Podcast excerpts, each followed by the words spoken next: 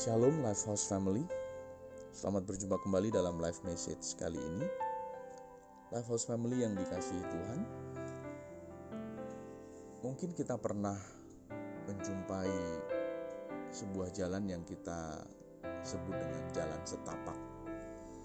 Ada kalanya kita harus melewati jalan yang sempit, kecil, becek, banyak kerikil berbatu kadangkala ya, yang kita sebut dengan jalan setapak.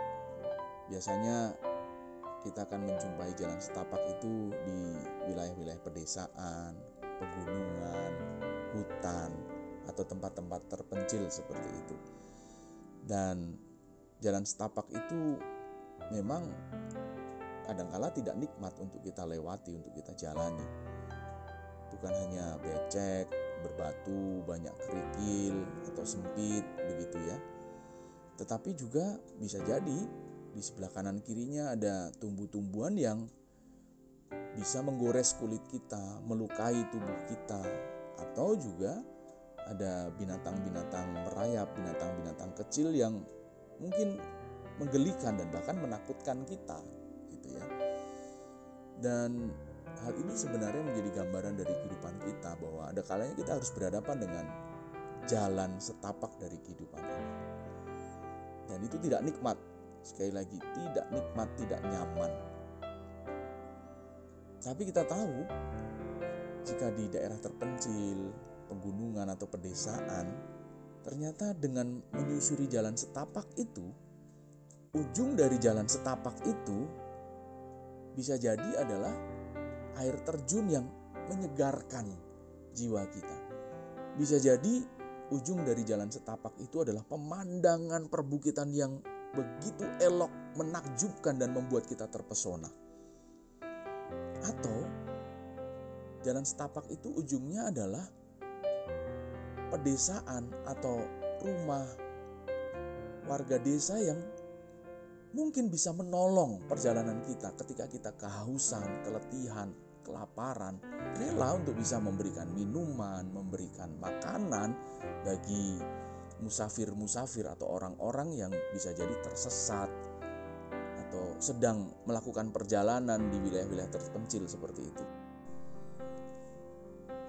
Jalan setapak yang seperti itu sebenarnya sebuah analogi yang sama seperti yang mungkin pernah kita hadapi di dalam kehidupan ini, atau yang sekarang sedang kita hadapi di dalam kehidupan ini. Peristiwa-peristiwa kehidupan yang membuat kita tidak nyaman, bahkan ngeri, takut, khawatir, dan gentar. Kenapa saya harus menghadapi ketidaknyamanan dan persoalan kehidupan yang membuat kita rasanya takut dan ngeri tadi? Dan sebenarnya kita diajar Tuhan untuk sadar bahwa ketika kita melewati itu semua, menghadapi itu semua, yang dibutuhkan adalah kesetiaan dan kerelaan untuk tetap melangkahkan kaki kehidupan ini, menjalani, menghadapi, dan melewati setiap ketidaknyamanan itu sampai pada akhirnya. Dan akhirnya itu tidak tahu bisa jadi dua tahun lagi, tiga tahun lagi, 40 tahun lagi bisa jadi, tidak ada yang tahu.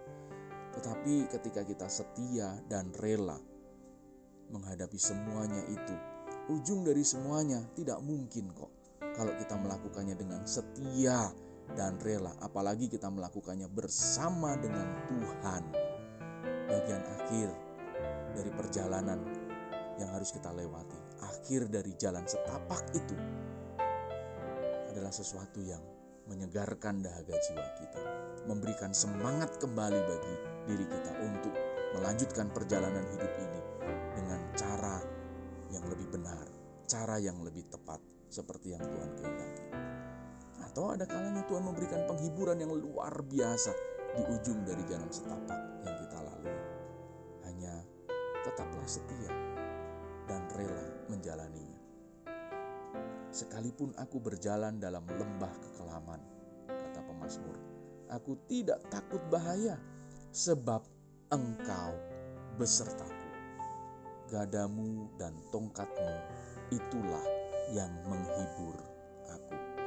Mazmur pasal 23 ayat yang keempat mengingatkan kepada setiap kita. Semua orang pasti pernah mengalami hal-hal yang tidak nyaman, mengerikan dan bahkan juga menakutkan tadi. Tapi percayalah dengan kesetiaan dan kerelaan melewati, menghadapi dan menjalani kehidupan ini bersama dengan Tuhan. Ujung dari semuanya adalah keindahan yang mungkin tidak akan pernah bisa kita jelaskan dengan perkataan dan kalimat dari mulut kita. Yang ada hanyalah rasa syukur dan terima kasih kita bisa menyelesaikan perjalanan hidup ini dengan benar. Menyelesaikan perjalanan hidup ini seturut dengan kehendak Tuhan. Selamat berjuang, Tuhan Yesus memberkati.